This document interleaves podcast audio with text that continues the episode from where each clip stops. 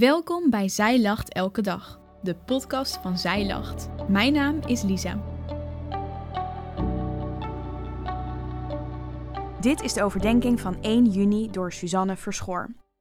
Paulus schrijft bemoedigende woorden aan de gemeente in Filippi. Op het moment van schrijven zit hij in gevangenschap, vermoedelijk in Rome.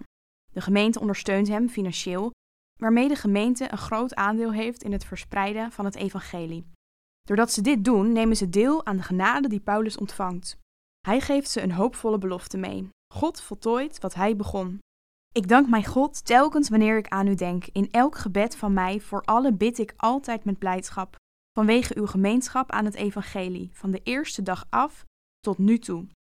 Ik vertrouw erop dat hij die in u een goed werk begonnen is, dat voltooien zal op de dag van Jezus Christus. Het is immers voor mij terecht dat ik dit van u allen denk, omdat ik u allen in mijn hart heb als deelgenoten van mijn genade, zowel in mijn gevangenschap als in de verdediging en bevestiging van het evangelie. Filippenzen 1, vers 3 tot 7. In vers 6 schrijft Paulus erover dat God een goed werk begonnen is in de gemeente. Hiermee doelt Paulus op het goede werk van de gemeenschap aan het evangelie. God heeft het geloof in de harten van de mensen gelegd. Dankzij God zijn ze bereidwillig om Paulus te ondersteunen in het verspreiden van het evangelie. God is dus in hen een goed werk begonnen. Hij werkt door hen heen. In de basisbijbel klinkt hetzelfde vers als volgt. God is in jullie een goed werk begonnen. En ik weet zeker dat Hij dat werk ook zal afmaken. Hij zal met jullie bezig blijven, totdat Jezus Christus terugkomt.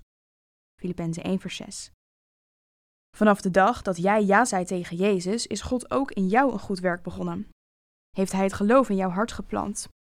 Heeft Hij in jou een verlangen gelegd waarin je zo graag wilt dat iedereen het grote nieuws van het Evangelie gaat geloven? Hij zal met je bezig blijven totdat Jezus terugkomt. Wat Hij is gestart, maakt Hij af, door welke fase je nu ook gaat.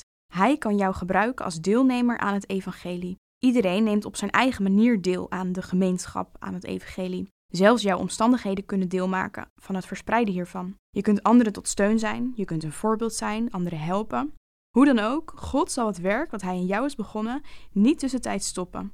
Hij blijft met jou bezig, elke dag weer. Alles, echt alles, kan Hij ten goede gebruiken. Niets is voor Hem onmogelijk of ongrijpbaar. Paulus weet het zeker, vers 6.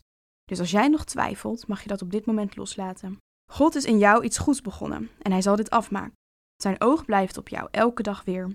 Richt je ogen ook op Hem, zodat Hij door jou heen kan werken.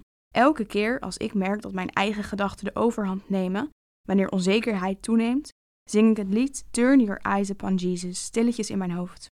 Alleen bij Hem kom je echt tot je recht. Van Hem mag je het verwachten, want Hij, alleen Hij, kan alles ten goede gebruiken.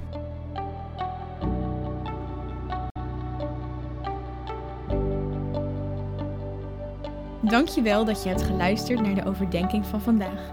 Wil je de overdenking nog eens nalezen? Check dan onze website. Je vindt daar ook nog meer toffe dingen die jou helpen om de Bijbel vaker te openen, zoals boeken, Bijbels, cursussen en evenementen. Morgen ben ik weer bij je terug met een nieuwe overdenking. Tot dan!